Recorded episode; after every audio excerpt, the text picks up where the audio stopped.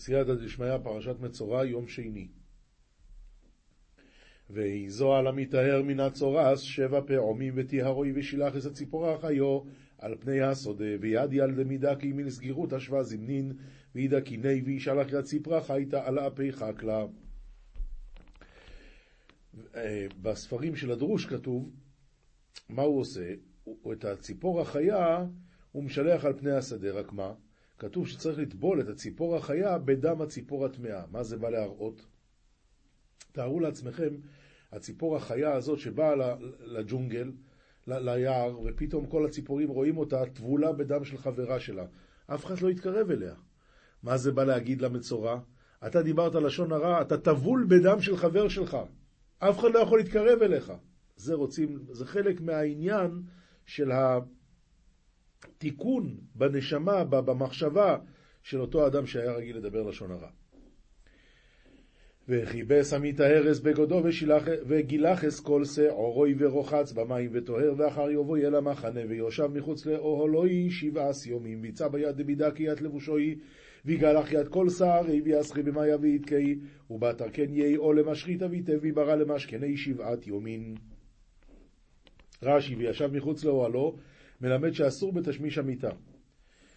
ואויו ביומה שבי יגלח אס כל שעורוי, אס רוישוי ואס זקונוי ואס גבוי שינו ואס כל שעורוי יגלח וכיבס אס בגודוב ורוחץ אס בשעורוי במים וטוהר. ויהי ביום השביעה יגלח יד כל שערי יד רישי ויד דקני ויד גביני עינוי ויד כל שערי יגלח ויצא ביד לבושוי ויסחי יד בישרי במאיה וידקי. את כל שערו אומר רש"י, כלל ופרט וכלל להביא כל מקום כינוס שיער ונראה שאת הכל צריך לגלח. כולל גבות, כולל ריסים, הכל.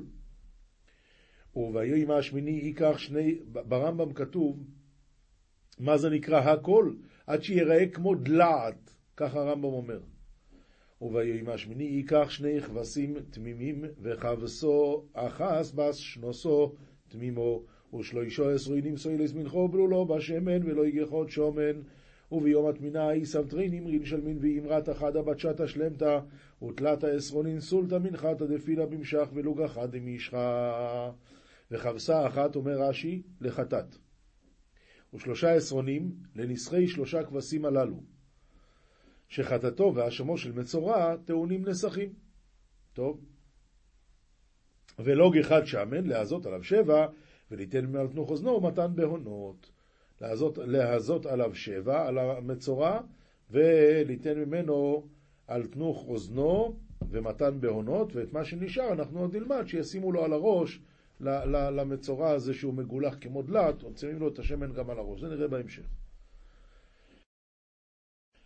נביאים, מלוכים ב', פרק ז', פסוקים ט' עד י"ב, ויאמרו איש אל רעהו, אנחנו מדברים על הארבעה מצורעים האלה, שהם מצאו שמחנה ארם אין אף בן אדם. ויאמרו איש אל רעהו לא כן אנחנו עושים היום הזה יום בשורה הוא ואנחנו מחשים וחיכינו עד אור הבויקר ומצאנו עוון ועתה לכו ונבוא ונגיד הבית המלך איך אנחנו יכולים לשמור בשורה כזאת לעצמנו? כל עם ישראל רעבים, הם היו במצור בשומרון.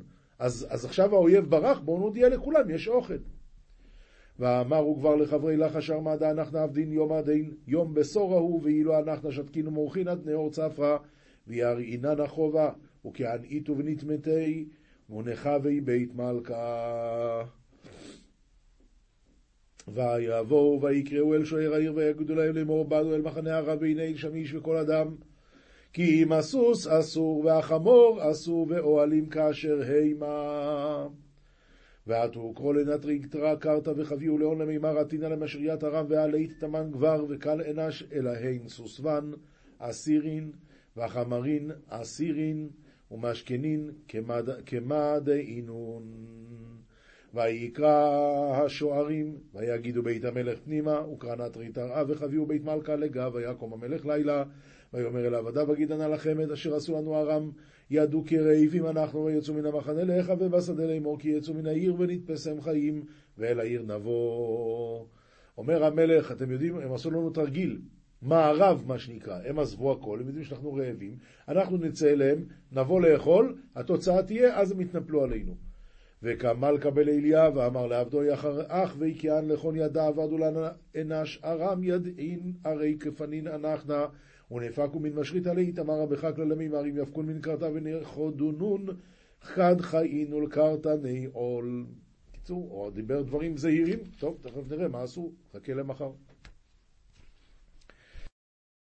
כתובים משלי פרק כ"ד פסוקים ל' עד ל"ג על שדה איש עצל עברתי ועל כרם אדם חסר לב על, על חקלי דגברא אטלה עברת ועל כרמי דבר נשה חסר רעיינה והנה עלה כולו כמשונים, כסו פניו חרולים, וגדר אבניו נהרסה, והסלק כולי יערי, וכסיב אפוי חורלי, וסייגא דקייפור יתעקר. ויחזה אנוכי אשית ליבי, ראיתי לקחתי מוסר, וחזת אנא ושם את ליבי, וחמית וקבלי מרדותה. מעט שינות, מעט נומות, מעט חיבוק ידיים לשכב. כלל תנום, כלל תדמוך, כלל תשים ידך על חדייך ותדמוך. אתה מבין מה קרה פה? איי, המסילה סישורי מדבר את הפוסוק הזה לגבי בן אדם, הוא לא צריך לזרוע קוצים, קוצים צומחים לבד. על שדה איש עצל עברתי, והנה עלה כולו כמשונים כסה פניו חרולים. ואתה יודע למה? מעט, בן אדם אומר לעצמו מעט שינות, מעט תנומות, מעט חיבוק ידיים לשכב. התוצאה, הכל הרוס, הכל מוזנח. צריך כל הזמן עבודה, כל הזמן, אחרת זה לא עובד.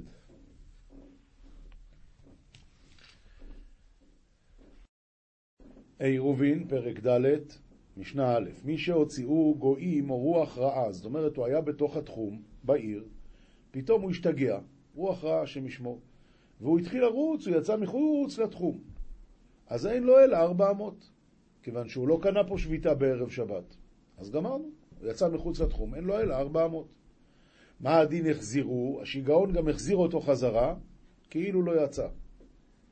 טוב? הוליכו לעיר אחרת. נתנו בדיר או בשר, כלומר, כשהשיגעון הביא אותו למקום מוקף. אז הדין הוא שרבן גמליאל ורבי אלעזר בן עזריה אומרים מהלכת כולה. רבי יהושע ורבי עקיבא אומרים אין לו אלא ארבע אמות, אף על פי שהוא בא לעיר אחרת, רק ארבע אמות יש לו. זה מחלוקת. טוב, מעשה. עכשיו, המשנה דנה לגבי דבר מאוד מעניין. אדם נמצא בתוך אונייה. האונייה שטה. אז היא יצאה מחוץ לתחום. היא הייתה פה בערב שבת, עכשיו היא כבר נמצאת פה. אז הוא יותר מאלפיים אמה. האם עכשיו יש לו רק ארבע אמות? הרי הוא מוקף. אז לפי רבי, רבן גמליאל ורבי אלעזר בן עזריה שאומרים מהלכת כולה, אין בעיה. אבל לפי רבי יהושע ורבי עקיבא, מה יהיה? אומרת המשנה מעשה הוא מעשה שבאו מפרנדיסין, פרנדיסין זה נמל באיטליה, והפליגה ספינתם בים. רבן גמליאל ורבי אלעזר בן עזריה הילכו את כולה. רבי יהושע ורבי עקיבא לא זזו מארבע אמות. למה? כי אמנם הם יצאו, אבל הם הגיעו להם מחוץ לתחום, אף על פי זה מקום מוקף, יש רק ארבע אמות. אבל האמת היא, שזה הם עשו רק משום שרצו להחמיר על עצמם. האמת היא שבאונייה יש להקל יותר, כי באמת, פה הם היו, במחיצות האלה הם היו כבר מערב שבת. אז יש כאן יותר להקל. רק מה, המחיצות זזו, זה יותר קל. לכן, אבל בכל זאת הם רצו להחמיר על עצמם, אז הם עשו רק 400 אה, לכל רוח. משנה ב' פעם אחת לא נכנסו לנמל עד שחשיכה. אז עכשיו השאלה, אם הם, אם הם קבעו, אם הם קיבלו על עצמם שבת, הם קיבלו, הם, הם, הם, הם קבעו מקום לעצמם באונייה הזאת, אבל זה היה מחוץ לתחום, עכשיו שנכנסו לתחום, אז לכאורה אסור להם לרדת מהאונייה. אז הם נכנסו לנמל עד שחשיכה, אמרו לו לרבן גמליאל, מה ענו לירד? אמר להם, מותרים אתם, שכבר הייתי מסתכל והיינו בתוך התחום עד שלא חשיכה. מי שיצא ברשות, ואמרו לו, כבר נעשה מעשה, הוא הלך להציל, הוא רופא. אז הוא יצא ברשות, אבל מה? כשהוא כבר אה, יצא, אז אמרו לו, אה, כבר לא צריך אותך. האם הוא יכול לחזור? הדין הוא, יש לו אלפיים אמה לכל רוח. עכשיו בא החידוש הגדול. הוא, נניח, זו העיר. מכאן הוא יצא יותר מאלפיים אמה, ועכשיו יש לו אלפיים אמה לכל רוח. עכשיו הוא הולך לכאן אלפיים אמה, אז הוא כבר נמצא בתוך האלפיים אמה של העיר. מה הדין? אומרת המשנה, אם היה בתוך התחום כאילו לא יצא. אם אחרי שנתת לו פה אלפיים אמה, אז הוא נכנס לתוך האלפיים אמה של העיר, אז הדין הוא שכבר מותר לו להיכנס לעיר, כאילו לא יצא. למה? שכל היוצאים להציל חוזרים למקומן. משנה ד' מי שישב בדרך ועמד וראה, והרי הוא סמוך לעיר. מה קרה? היהודי הזה בא, הלך, הלך, הלך, הלך, אופס, חושך. נשאר, לה, נשאר לשבת במקום. הגיע בוקר, הוא מסתכל, עוד מאה מטר, הוא נמצא בעיר, הוא פשוט לא, לא עלה בדעתו להסתכל בערב שבת. יוצא שהוא קנה שביתה כאן, והוא לא חשב להיכנס לתוך העיר, כי הוא לא ידע. מה הדין? מי שישב בדרך ועמד וראה והרי הוא סמוך לעיר, ולא הייתה כוונתו לכך, הדין הוא שלא ייכנס. דברי רבי מאיר. רבי יהודה אומר, ייכנס. שאלה אם צריך להתכוון לזה או לא. אמר רבי, אמר רבי יהודה, מעשה היה ונכנס רבי טאופון בלא מתכוון. זאת אומרת שזה מותר. משנה ה' מי שישן בדרך ולא ידע שחשיכה. הוא ישן בדרך ולא ידע שחשיכה, פשוט נרדם. עכשיו, הוא יושן, אז הוא לא חושב לקנות שביתה פה או שם, הוא לא יודע. הדין הוא, יש לו אלפיים אמה לכל רוח, דברי רבי יוחנן בן נורי. למה? אוטומטית. אתה פה, קנית פה שביתה. חכמים אומרים, אין לו אלא ארבע אמות. לא, הוא לא קנה שביתה, בשביל, בשביל זה הוא צריך לחשוב על זה. רבי אליעזר אומר, והוא באמצע, בא רבי אליעזר ואומר, אתה אומר ארבע אמות לכל רוח? זה בעצם שמונה. שמונה אמות לכל רוח זה שמונה אמות מרובעות. לא. אני אומר שיש לו רק שתיים לכל רוח, הוא באמצע ויש לו ארבע אמות, אז זאת אומרת שתיים לפה, שתיים לפה, אז רק ארבע אמות מרובעות. רבי יהודה אומר, לאיזה רוח שירצה ילך. זה בסדר גמור. אבל, אבל מה פירוש לאיזה רוח שירצה ילך? יש לו ארבע אמות, אבל רק לצד אחד. או לכאן, או לכאן, או לכאן, או לכאן. ומודה רבי יהודה שאם ברר לו שאינו יכול לחזור בו. מודה רבי יהודה שאם ברר לו שאינו יכול לחזור בו. משנה ו', היו שניים מקצת אמותיו של זה בתוך אמותיו של זה, ומקצת, אז, אז מה הדין? מביאים ואוכלים באמצע, ובלבד שלא יוציא זה מתוך שלו לתוך של חברו, ככה זה צריך להיות, כי נניח הוא פה, הוא פה, אז יש להם שתי אמות משותפות, אבל לא כל הארבע הן משותפות, לכן, אז יכולים לאכול באמצע ביחד, ובלבד שלא יוציא זה מתוך שלו לתוך של חברו. היו שלושה, והאמצעים מובלע ביניהם. אז האמצעי מותר לו לאכול עם זה ועם זה. אבל שניים החיצוניים אסורים זה עם זה. אומר רבי שמעון, למה הדבר דומה? לשלוש חצרות הפתוחות זו לזו ופתוחות לרשות הרבים. עירבו שתיהן עם האמצעית, היא מותרת עמהם והן מותרות עמה. ושתיים החיצונות אסורות זו עם זו. משנה ז' מי שבא בדרך וחשכה לו, והיה מכיר אילן או גדר, זאת אומרת, הוא יודע שאו-טו-טו עכשיו, הוא קונה פה שביתה, אז יש לו אלפיים אמה. אבל הוא אומר, אני קונה שביתה מתחת לאילן הזה. הבעיה היא שהאילן הוא גדול. אז הוא בעצם לא אמר איפה, מה אתה אומר? האילן הזה זה מאה מטר, אז מה? לכן, אמר שביתתי, תכתב לא אמר כלום. אבל אם הוא אמר שביתתי בעיקרו, אני קונה שביתה ליד הגזע, אז מהלך ממקום רגליו ועד עיקרו אלפיים אמה, ומעיקרו ועד ביתו אלפיים אמה. למה? כי מכאן יש לו אלפיים אמה, נכון? אז מצוין, הוא הולך אלפיים אמה, הוא הולך עד האילן אלפיים אמה, ומהאילן אלפיים אמה. אז הוא מגיע הביתה. נמצא מי שמהלך מי שחשיכה ארבעת אלפים אמה. וזה חידוש, אף על פי שהוא לא שם, אבל הוא יודע שזה נמצא, וזה בתוך האלפיים אמה שלו, אז הוא יכול להגיד, אני קונה שביתה שם. משנה ח' אם אינו מכיר או שאינו בקיא בהלכה ואמר שביתתי במקומי, זכה לו מקומו אלפיים אמה לכל רוח. אם אינו מכיר, הוא לא יודע איפה יש אילן, הוא לא יודע להגיד. אז מה הוא אומר? שביתתי במקומי, כאן אני תופס. זכה לו מקומו אלפיים אמה לכל רוח, עגולות, דברי רבי חנינא בן אנטיגנוס. כלומר, זה לא אלפיים אמה מרובעות, אלא העיגול שנמצא בתוך האלפיים אמה. אז הוא הפסיד את השפיצים. לעומת זאת, חכמים אומרים מרובעות כטבלה מרובעת, כדי שיהיה נשכר לזוויות, נותנים לו גם את השפיצים. משנה ט' וזוהי שאמרו העני מערב ברגליו. העני מערב ברגליו. מה פירוש? כשהוא נמצא, ואיפה שהוא נמצא, פה הוא קונה שביתה. אמר רבי מאיר, אנו, אין לנו אלא אני. מה זאת אומרת אלא אני? רק עם הרגליים אפשר לקנות שביתה. רבי יהודה אומר, אחד אני... שנייה אחת. אמר רבי מאיר, אנו אין לנו אלא אני, זה הפוך ממה שאני אמרתי. רק לעני שאין לו פת, אמרו שרק עם הרגליים הוא יכול, אבל אם הוא עשיר ויש לו פת, יכול לשלוח את זה על ידי מישהו ולשים שם ולקנות על ידי פת. רבי יהודה אומר, אחד עני ואחד עשיר לא אמרו מערבין בפת, אלא להקל על העשיר, שלא יצא ויערב ברגליו. אז עשיר ועני, שניהם יכולים לקנות עם הרגליים. אבל אם הוא עשיר ויש לו גם פת, הוא יכול לקנות עם פת. משנה י' מי שיצא לילך בעיר שמערבין בה, והחזירו חברו, הוא מות... מה, מה קרה פה? הוא רוצה ללכת בשביל כל העיר לערב להם. אז הוא התחיל ללכת לכיוון, פתאום חברו אומר לו, לא, לא, לא, תחזור, תחזור. אז הוא חזר. עכשיו, מה קרה? הוא מותר לילך. למה? כי הוא התחיל ללכת לכיוון. אז אנחנו אומרים, בסדר, תופס. אבל כל בני העיר אסורים, כי להם אין עירוב. דברי רבי יהודה רב מאיר אומר, כל שהוא יכול לערב ולא ערב, הרי זה חמר גמל. אדרבה, הוא הפסיד הכל. הוא לא יכול ללכת לא לפה ולא לשם, כמו שהסברנו לעיל, מה זה חמר גמל. משנה י"א, מי שיצא חוץ לתחום, אפילו אמה אחת, לא ייכנס. רבי אליעזר אומר, שתיים הוא עוד יכול להיכנס, שלוש לא ייכנס. למה שתיים ייכנס? כי הוא סובר שיש לו, אמ, איפה שהוא נמצא, או הרי למדנו לאל שהוא סובר שיש לו שתיים לפה, שתיים לפה, אז עד שתיים הוא יכול להיכנס, שלוש כבר לא.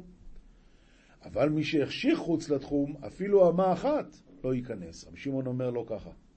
אבל אתה אומר, חוץ לתחום, אפילו אמה אחת לא ייכנס. תדע לך שאיפה שעושים שזה סוף התחום, זה לא סוף התחום.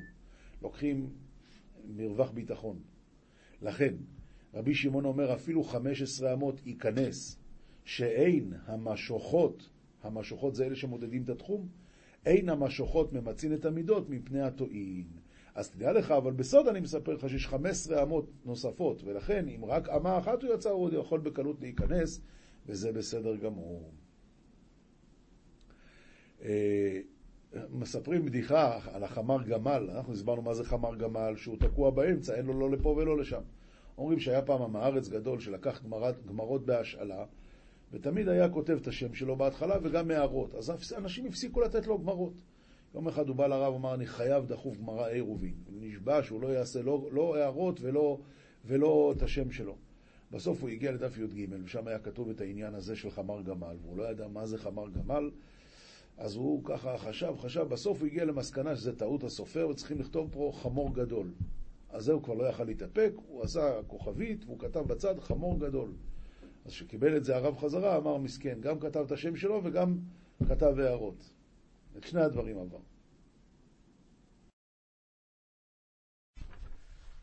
גמרא, מסכת אה, עירובין, דף נ"ב עמוד ב' עומר רבי חנינא, רגלו אחת בתוך התחום ורגלו אחת חוץ לתחום, לא ייכנס. זאת אומרת, דכתיב, אם תשיב משבת רגליך, רגלך כתיב, לא רגליך עם שתי רגליים, אלא רגלך כתיב. ממילא, אפילו רגל אחת מחוץ לתחום אסור להכניס אותה. אומרת הגמרא, והתניא רגלו אחת בתוך התחום ורגלו אחת חוץ לתחום, ייכנס. נו, עונה הגמרא, המאני אחיירים היא. דתניא אחיירים אומרים למקום שרובו הוא נזרק. איפה שרוב הגוף נמצא, לשם הוא הולך. אז אם רוב הגוף שלו בפנים, הוא באמת יכול להיכנס. רש"י, למקום שרובו הוא נזרק, ורובו בתוך התחום הוא נזרק. כלומר, בתר רובו שדינן לי, וכיוון דלא אביה אלא רגלו אחת מחוץ לתחום, עדיין רובו בתוך התחום. ילקח, ייכנס. איכא דאמרי אומר רבי חנינא, רגלו אחת בתוך התחום ורגלו אחת חוץ לתחום, ייכנס. דכתיב, אם תשיב משבת רגליך, רגליך, רגליך קרינן, שזה שתיים. והתניא שואלת הגמרא, לא ייכנס. התשובה היא, הוא דאומר כאחר, אם דתניא למקום שרובו, הוא נזרק. רבי אליעזר אומר, שתיים ייכנס, שלוש לא ייכנס. מה פירוש שתיים ייכנס, שלוש לא ייכנס? אם יש לו שתי אמות מחוץ לתחום, אז ייכנס.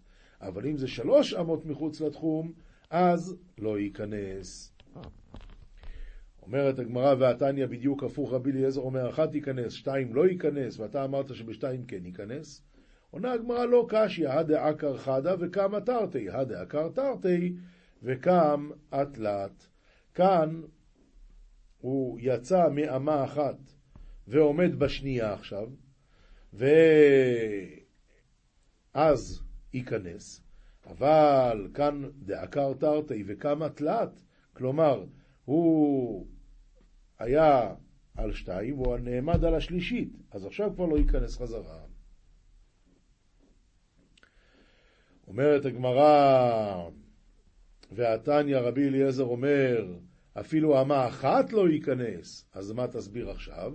עונה הגמרא, כי תניא היא למודד אתנן, ולמודד שאמרו, נותנים לו אלפיים אמה, אפילו סוף מידתו קלה במערה, אז זהו, במערה שם הוא עומד, לא נותנים לו להמשיך הלאה. למודד, זה מה שנותנים לו.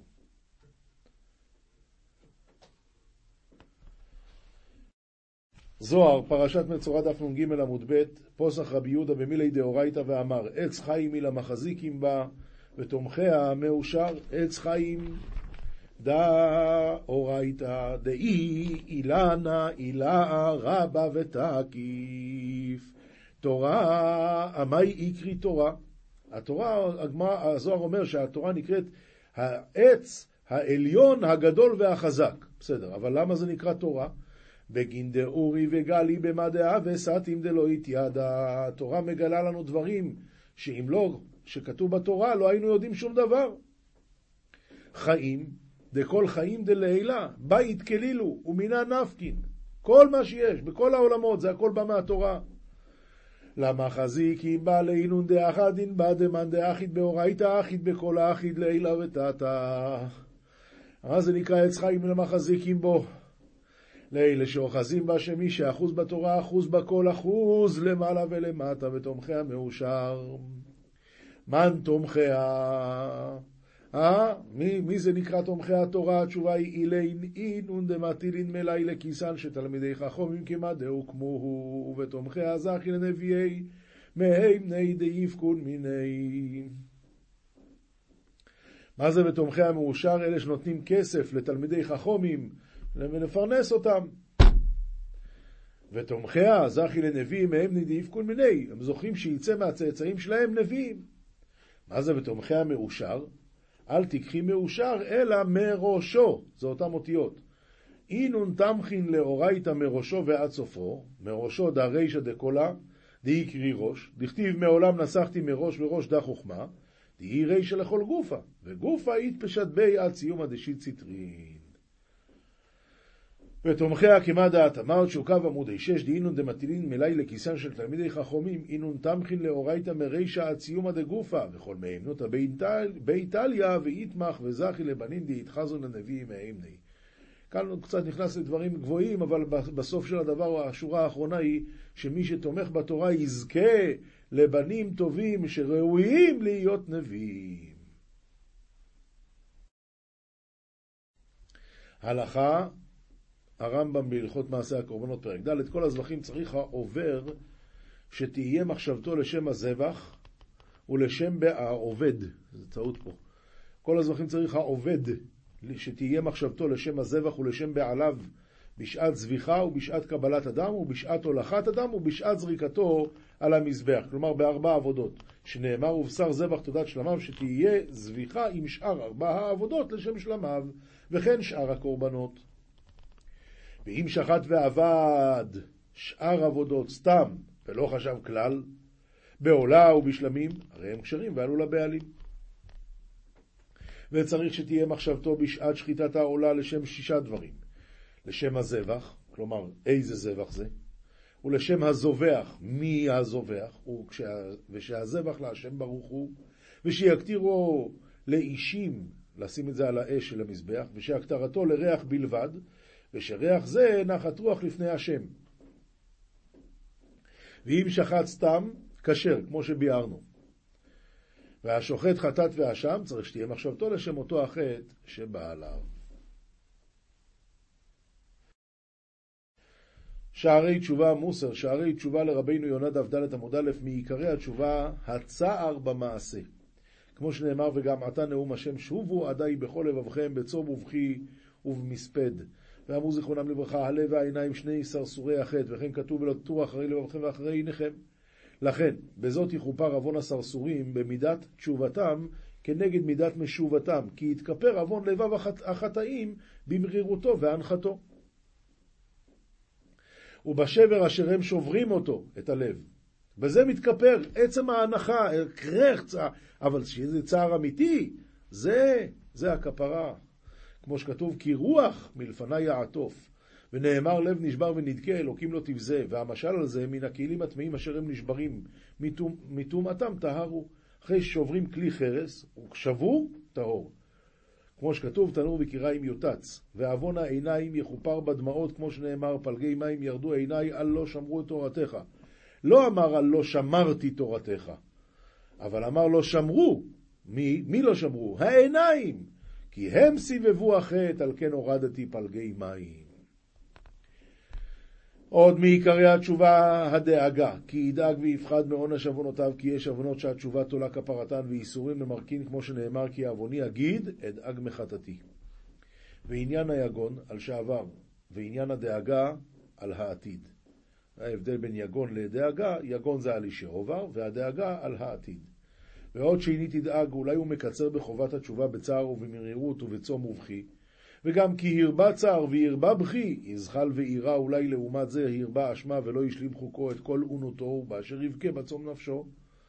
ומי שיתבונן, מי, ש, מי שמתבונן בגודל עבודת הבורא על יצורה, וכי אין קץ לרעת הממרה את פיו, כל אשר יוסיף בעבודה ובדרכי התשובה, הלא מצער אצלו, והנה לי מעט בעיניו. מי שזוכה להתבונן בגודל השם יתברך, יודע שכשהוא עשה רע, אז לא היה, כל, מה שהוא יעשה תשובה, זה עוד, עוד, עוד יש מקום להמשיך הלאה. למה? מפני שהקדוש ברוך הוא כל כך גדול. איך הוא כל כך גדול?